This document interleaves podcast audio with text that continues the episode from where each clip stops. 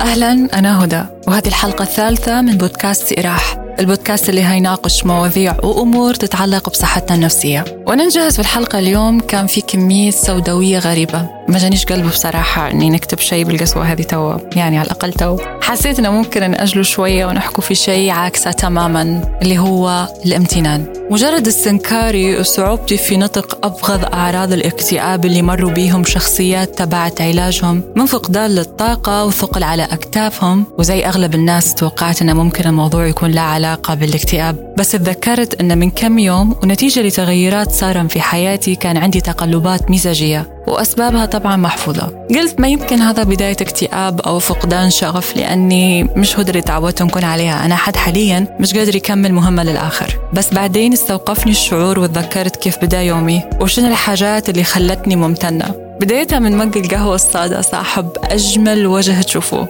وصبحت بعدين على ناس نحبها وشوفتها مربوطة ديما بذكريات دافية. ولما جيت هنا المكاني صنعت شاي وحليب بالنعناع بالفريقي بكل حب مع أني مش من الناس اللي تكيف بيه بس حسيت بطاقة المكان تبي جو شاي وحليب. أنا هنا هتلاحظوني كيف إني شخص مهتم بمزاجه وأمور صغيرة قادرة تأثر في مزاجي بسرعة. ضايقني بنفس السرعة اللي تسعدني بيها. ونحس إنه لو تفاصيل يومي هذه اختفت هنكون شبح مش هنكون هدى. كمية الضحك الهستيرية على خيباتنا لما نكونوا مع ناس يعني بنفس جونا نحس إن الحياة أتفه وأسهل وما تستاهلش تعقيد. على فكرة حتى ممكن إحباطاتنا اللي نمر بيهم كل يوم. لما تبدأ تضحك عليهم بطريقة هستيرية مع ناس أنت تحبهم وعاشروك وعارفين جوك وفي الغالب تشاركوا في بعضكم أحاديثكم الصغيرة والتافهة قبل الكبيرة الموضوع حيختلف. وذكرت اليوم أهم حاجة خلتني ممتنة ال background اللي صنعها المهندس الصوت طه. ما قدرتش إلا ناخذها ونخليها ال background الرسمي بتاعي للبودكاست. لأن أعطاني شعور إن نحن مشتركين في العمل وفخورين ببعضنا وهذا الشيء يعطي فيها طاقة ويذكر فيها بأهم شيء إني شخص شغوف بأي حاجة أنا نديرها. وشغفي اللي رد فجأة وخلاني ناخذ وقت طويل بس جميل في إعداد محتوى للبودكاست.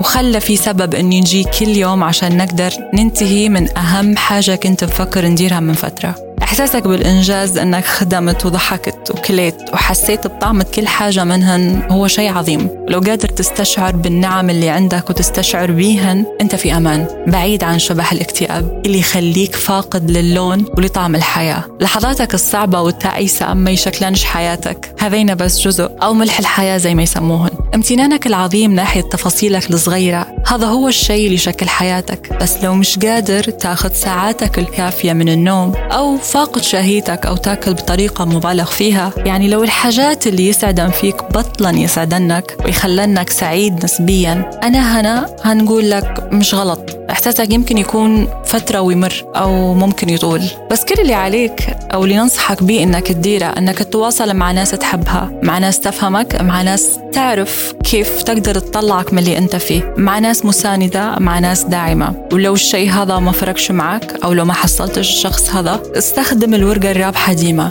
مختص يساعدك تفهم أنت في شن قاعد تمر ولأي درجة أنت وصلت. أنا هنا وصلت لنهاية الحلقة. ما تنسوش أمتنوا للحظاتكم الصغيرة قبل الكبيرة. سلام.